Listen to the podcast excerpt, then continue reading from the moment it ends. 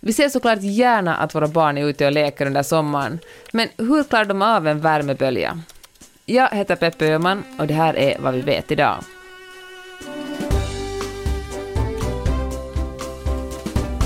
Kristin Werner är barnläkare och hon menar att det finns anledning att vara försiktig under sommaren, speciellt under perioder av extrem hetta, därför att det helt enkelt påverkar barn mer. Det är så att eh, barn, framförallt eh, bebisar men också små barn, har svårare att reglera sin kroppstemperatur av olika anledningar. Den funktionen är liksom omogen kan man säga. Så att eh, de blir känsligare för extrem värme på det sättet. Kristin säger att det finns olika saker man kan göra för att försäkra sig om att barnen mår bra. Det, det viktigaste eh, rådet tycker jag är att man har eh, koll på sin bebis eller på barnen. Att man har tät tillsyn, att man tittar till dem ofta hur de, eh, hur de mår och hur varma de är. Och det gör man ju eh, på ett bra sätt genom att känna bak i nacken till exempel och på bröstet. Då känner man liksom hur, hur värmen är.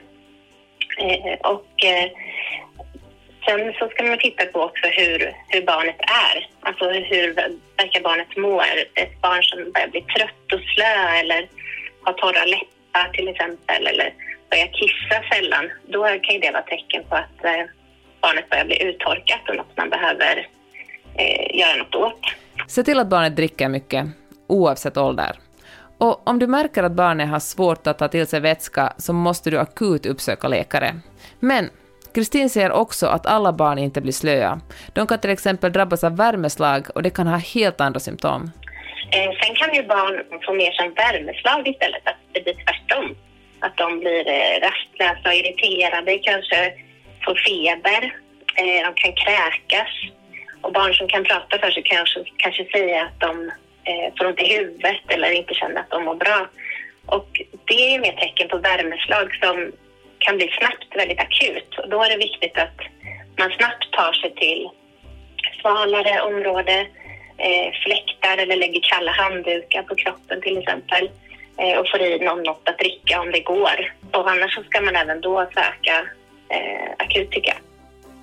Jag tycker inte att man behöver vara orolig, men jag tycker att man som förälder ska ha koll på sitt barn och eh, tät tillsyn. För då tänker jag att det inte behöver gå så långt att det blir ett barn som får värmeslag eller blir uttorkat. För det är klart att man kan vara ute i extrema temperaturer också.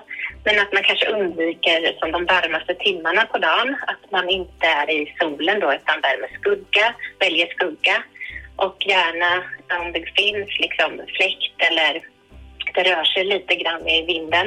Eh, och sen gäller det ju självklart eh, med solskydd, inte bara mot värmen utan liksom solens strålar, att man eh, tänker på det och barn som är under ett år säger man ska inte vistas i solljus eh, alls och annars att skydda liksom kroppen med långa eh, kläder och eh, solhatt och sen solkräm på de ytor som man inte kan täcka med kläder.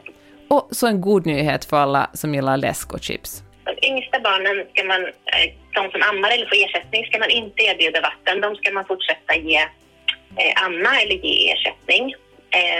Och de äldre barnen, vatten om det går, men annars allt som de tar emot tänker jag är viktigt. Alltså är det söta drycker och gärna då kombinera med kanske lite eh, salt till, alltså om det är chips eller salt gurka eller sådär så att man får balansen både av socker och salt. För kroppen behöver ju det också och inte bara eh, den rena vätskan. Vätskeersättning är ju jättebra att ha, absolut. Det innehåller ju en, den, den balansen man behöver av, av socker och salt. Sen kan man också, om man inte har tillgång till det, så kan man blanda egen vätskeersättning. Då är det jätteviktigt att man följer exakta recept. Man kan till exempel eh, få det på 1177 hemsida så att balansen där mellan socker och salt blir det är viktigt. Så allt som de tänk, tänker att ta emot är, är bättre än att eh, barnet inte får i sig och dricker tillräckligt.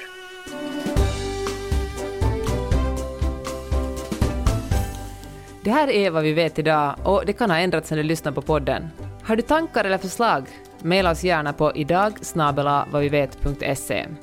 För att inte missa möjligheten att lära dig något nytt i nästa avsnitt, följ oss här i din poddapp Jag heter Peppe Öhman, klippte och mixade gjorde Magnus Silvenius Öhman, planeringsredaktör är Ida Jernberg Palm med hjälp av Sara Lundberg och producent är Per Granqvist.